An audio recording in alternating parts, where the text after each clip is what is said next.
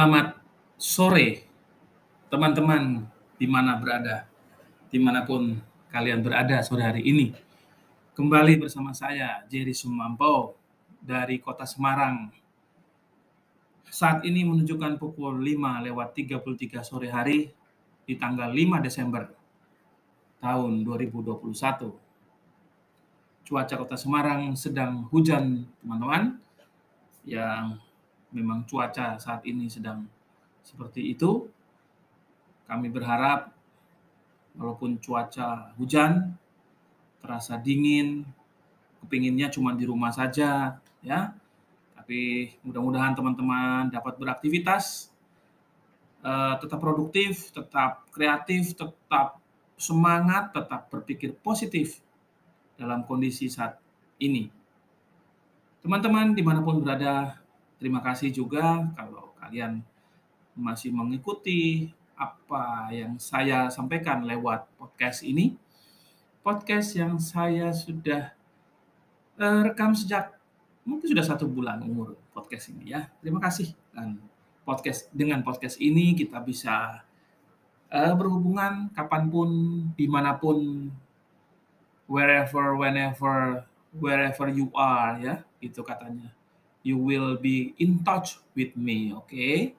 Because with this podcast, I can uh, reach you anywhere, anytime, and you can share anything to me, anything that you can uh, you want to share with me.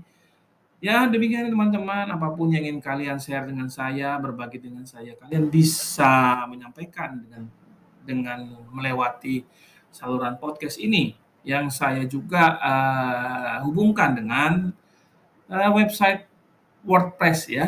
Saya punya alamat WordPress, silahkan juga ditulis di sana. Kalau mau berbagi atau mau mengomentari apa yang telah saya share melewati podcast saya, ya teman-teman.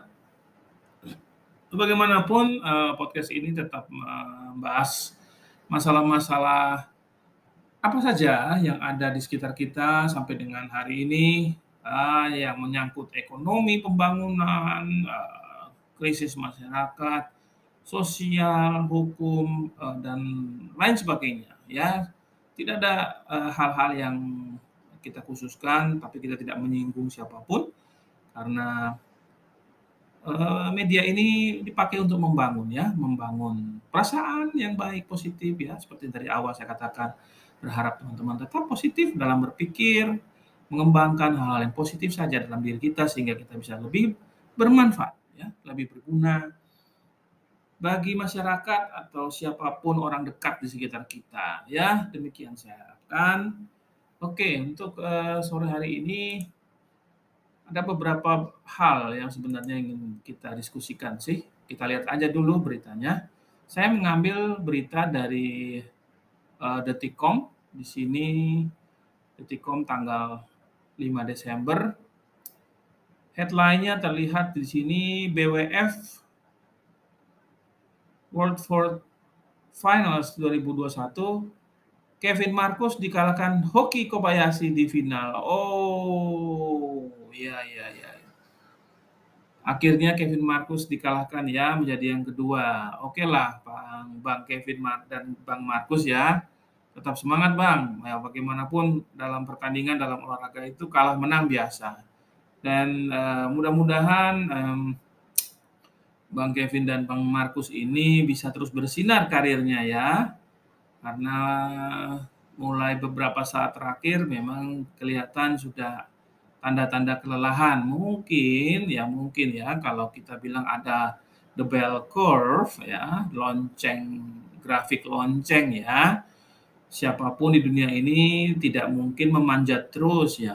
Ada waktunya itu berada di puncak dan kemudian mulai menurun ya prestasinya dalam hal ini. Tetapi mungkin saja ada prestasi lain yang bisa ditampilkan oleh Bang Kevin dan Mar Bang Markus ya. Mungkin uh, sudah bisa uh, menjadi penyokong ya atau menjadi pelatih dalam hal ini kepada eh, junior-junior bagaimana mencapai nomor satu ya ganda nomor satu dunia Dan mungkin sampai saat ini walaupun sudah beberapa kali tercatat kalah ya, uh, mereka berdua The Minions ini ya istilahnya nama keren mereka itu The Minions ya. Ini masih tercatat sebagai uh, pebulu tangkis ganda nomor satu di dunia ya walaupun beberapa kali kalah. Ya kita berharap sih jangan kalah-kalah sih. Tapi namanya olahraga pasti ada kalah dan menang ya. Tidak mungkin menang selama-lamanya sehebat apa pun. Saya yakin kalau walaupun hebat kalau dia terus bertanding suatu saat akan ada yang mengalahkan. Karena itu sudah hukum alam eh, dengan bertambahnya usia, bertambahnya usia ini membuat kita akan semakin secara fisik akan menurun ya, secara fisik akan menurun. Uh, dan itu memang adalah faktor uh, usia itu memang tidak bisa ditolak, faktor alam ya. Perlu adanya re regenerasi. Oke, selamat deh Bang Kevin dan Bang Markus udah menjadi nomor dua. Mudah-mudahan di kesempatan yang lain ya, saya yakin masih bisa deh, masih punya harapan untuk itu. Oke, kita lanjut lagi beritanya. Ada berita yang lain. Benarkah RI terancam masuk jebakan utang China. Wah, ini ini isu yang uh, sampai saat ini sering kali dikembangkan oleh masyarakat ya, oleh orang-orang tertentu bahkan menjadikan senjata atau amunisi untuk memanaskan situasi ya, masalah hutang ini ya. Padahal sudah sering di, sering dijelaskan oleh pemerintah bahwa hutang pemerintah masih masuk dalam koridor aman, artinya tetap dijaga dalam eh, dijaga dalam kondisi yang eh, dapat dibayarkan dan tidak mengganggu jalannya pembangunan atau mengganggu perekonomian. Bahkan hutang-hutang ini sebenarnya dipakai untuk pembangunan itu sendiri ya. Memang kalau tidak terkendali hutang akan menyebabkan ancaman dan bahkan menyebabkan e, bisa mandeknya pembangunan itu sendiri karena uh, terjadinya kegagalan bayar ya, kegagalan bayar hutang ini. Coba kita lihat, kita baca lebih dalam lagi. Kira-kira apakah uh, itu? Oke, di sini katakan ya terkait utang Cina, seraya memberi perhatian khusus bagi Indonesia, bagaimana tidak aid data Indonesia berdasarkan aid data ya. Indonesia merupakan salah satu negara yang mendapatkan utang dari Cina dengan skema yang bervariasi ya sebuah laporan berjudul Banking on the Belt and Road, Insight from a New Global Dataset of 13,427 Chinese Development Projects menyebutkan dana-dana yang disalurkan China itu bertujuan untuk pembangunan jalur sutra melalui Belt and Road Initiative. Selama ini, Belt and Road Initiative tersebut telah diberlakukan di banyak negara, khususnya negara berkembang Afrika dan Asia. Indonesia sendiri Dana tersebut digunakan untuk proyek infrastruktur. China memang memfokuskan BRI ya singkatannya BRI ya, Belt and Road Initiative dalam industri energi dan infrastruktur. Adapun infrastruktur yang dibayar Cina di Indonesia adalah kereta cepat Jakarta Bandung. Nah, ini yang uh, menjadi isu-isu ya mengenai kereta cepat Bandung ya, Jakarta Bandung ya. Lalu apakah proyek tersebut akan menjadi jebakan utang? Sangat-sangat bisa kurang kuat apa Turki dulu kan? Turki juga sama halnya dengan Uganda. Malaysia kalau nggak terlambat matir kena juga. Negara-negara yang waspada segera mengakhiri. Indonesia masih terus. Nah, ini menurut mantan sekretaris Kementerian BUMN Said Didu. Ya, ini menurut mantan sekretaris Kementerian BUMN Said Didu dikutip hari Minggu kemarin ya, tanggal 5. Said Didu mengatakan proyek cepat kereta Jakarta Bandung merupakan jebakan merupakan jembatan maaf jembatan utama masuknya jebakan utang Cina. Jika proyek ini gagal, kemungkinan Cina akan minta kompensasi berupa proyek kereta Jakarta Surabaya dengan harga yang mahal atau mengakuisisi dan meminta proyek lain. Kalau itu gagal, maka dia akuisisi pada saat diakuisisi, maka dia menguasai betul. Kalau masih gagal, bisa-bisa minta pelabuhan, minta bandara. Begitu caranya. Modus Cina selalu seperti itu. Perangkap adalah perangkap kerjasama ekonomi. Penjajahannya ekonomi, terangnya. Sementara itu, Econom Center of Reform on Economics atau CORE, Yusuf Randy Manilet menilai Penyitaan aset bandara Uganda bisa saja hasil kesepakatan kedua negara. Namun, penyitaan oleh China itu memunculkan banyak asumsi di kalangan publik. Pertama, klausul pinjaman tersebut bisa saja klausul penyitaan termasuk dalam pinjaman yang diberikan China di awal dan sudah disepakati. Nah, seperti itulah ya, memang dalam ketika kita melakukan uh, multilateral ya, economic uh, corporation atau kerjasama antar negara ya itu kan para petinggi kita itu orang-orang pandai ya pinter ya jangan ya mestinya tidak sampai masuk dalam jebakan-jebakan seperti ini ya. Namanya jebakan ekonomi apa pun itu ya. Mereka orang-orang cerdas yang dipercaya oleh oleh kita semua oleh warga negara oleh orang tuanya. Ingat orang tua mereka juga adalah orang Indonesia. Masa menggadaikan negara karena hanya mendapatkan uh, rebate 1%, 2%. Mudah-mudahan tidak seperti itu kan, karena kita tahu bahwa uh, pembangunan ini berkelanjutan dan untuk anak cucu kita dan tidak bisa kita mementingkan kepentingan kita saat ini saja. Kita melihat itu untuk jangka yang panjang. Sehingga uh, positive thinkingnya kita harus tetap melihat bahwa hutang ini memang untuk pembangunan jangka panjang.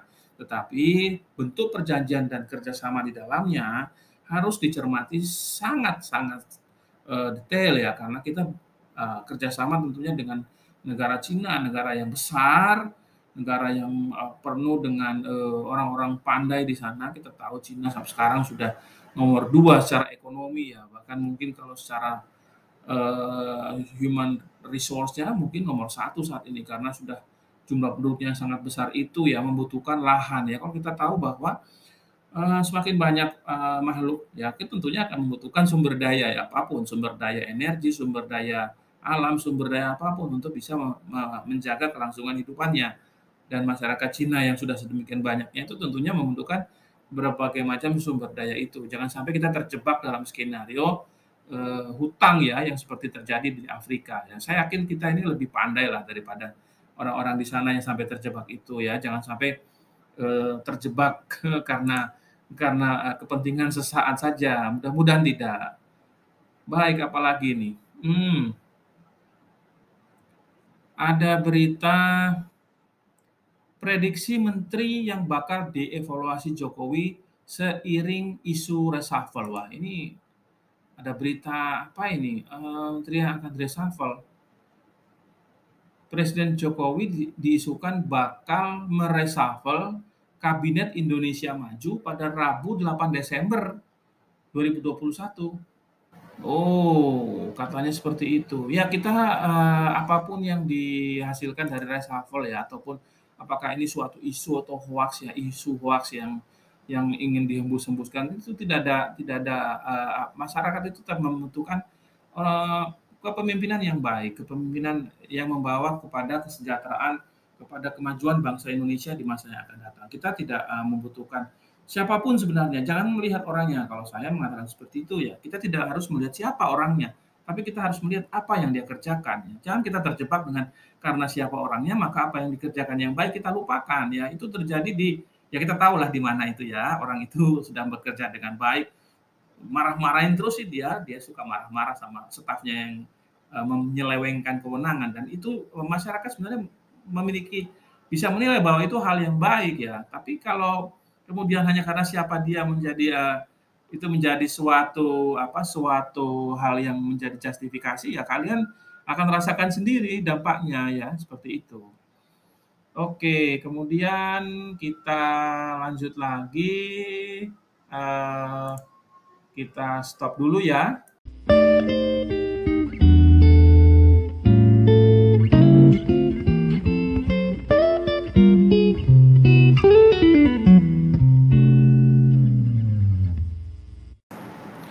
Selamat sore, teman-teman di mana berada, di mana pun kalian berada sore hari ini.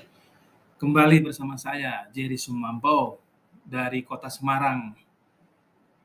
Saat ini menunjukkan pukul 5 lewat 33 sore hari di tanggal 5 Desember tahun 2021.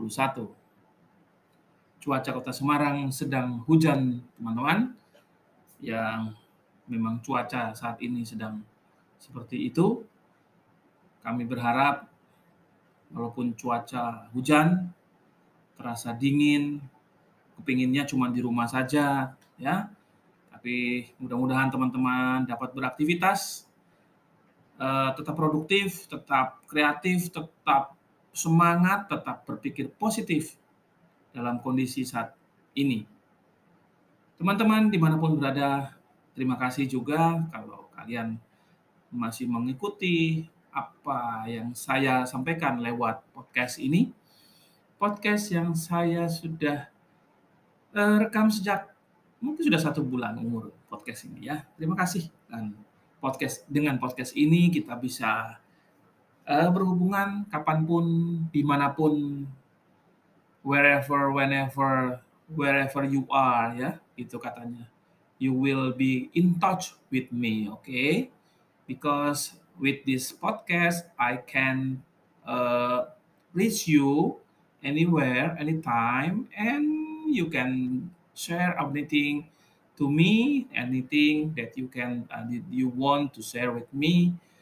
Ya, demikian teman-teman, apa pun yang ingin kalian share dengan saya, berbagi dengan saya, kalian bisa menyampaikan dengan dengan melewati saluran podcast ini yang saya juga uh, hubungkan dengan uh, website WordPress ya.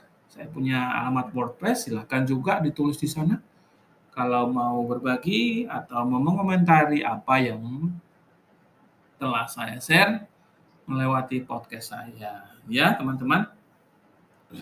Bagaimanapun eh, podcast ini tetap membahas masalah-masalah apa saja yang ada di sekitar kita sampai dengan hari ini uh, yang menyangkut ekonomi, pembangunan, uh, krisis masyarakat, sosial, hukum, uh, dan lain sebagainya. Ya, tidak ada hal-hal yang kita khususkan, tapi kita tidak menyinggung siapa pun karena media ini dipakai untuk membangun ya, membangun perasaan yang baik, positif ya, seperti dari awal saya katakan berharap teman-teman tetap positif dalam berpikir, mengembangkan hal-hal yang positif saja dalam diri kita sehingga kita bisa lebih bermanfaat ya, lebih berguna bagi masyarakat atau siapa pun orang dekat di sekitar kita ya. Demikian saya harapkan. Oke untuk uh, sore hari ini ada beberapa hal yang sebenarnya ingin kita diskusikan sih. Kita lihat aja dulu beritanya. Saya mengambil berita dari uh, Detikcom di sini Detikcom tanggal 5 Desember headline-nya terlihat di sini BWF World Fourth Finals 2021 Kevin Marcus dikalahkan Hoki Kobayashi di final. Oh, ya ya. Akhirnya Kevin Marcus dikalahkan ya menjadi yang kedua. Oke lah, Bang Bang Kevin Mar dan Bang Marcus ya. Tetap semangat Bang. Ya bagaimanapun dalam pertandingan dalam olahraga itu kalah menang biasa. Dan uh, mudah-mudahan um, Bang Kevin dan Bang Markus ini bisa terus bersinar karirnya ya. Karena mulai beberapa saat terakhir memang kelihatan sudah tanda-tanda kelelahan. Mungkin ya mungkin ya kalau kita bilang ada the bell curve ya, lonceng grafik lonceng ya. Siapa pun di dunia ini tidak mungkin memanjat terus ya. Ada waktunya itu berada di puncak dan kemudian mulai menurun prestasinya dalam hal ini. Tetapi mungkin saja ada prestasi lain yang bisa ditampilkan oleh Bang Kevin dan Bang Markus ya. Mungkin uh, sudah bisa uh, menjadi penyokong ya atau menjadi uh, pelatih dalam hal ini kepada junior-junior. Bagaimana mencapai nomor satu ya ganda nomor satu dunia.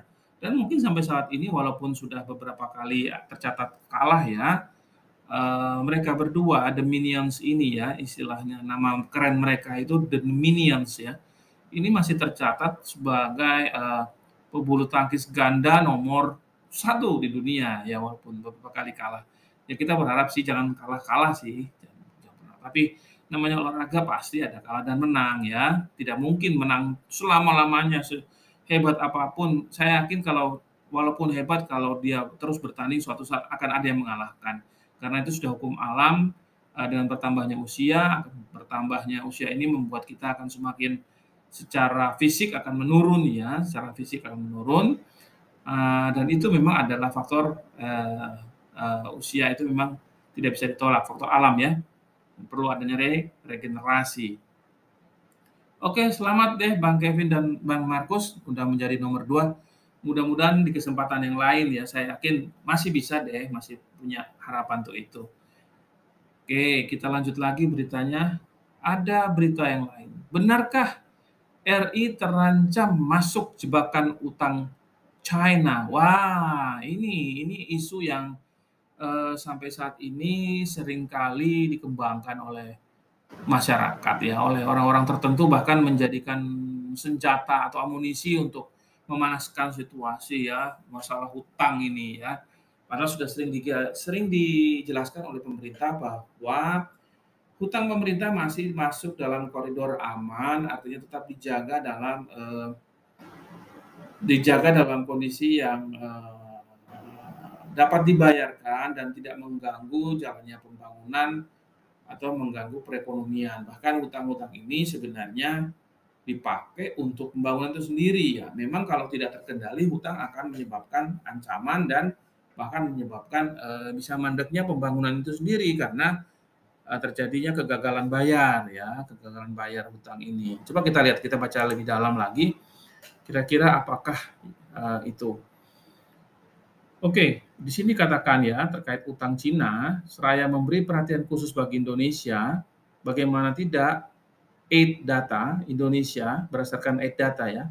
Indonesia merupakan salah satu negara yang mendapatkan utang dari Cina dengan skema yang bervariasi ya.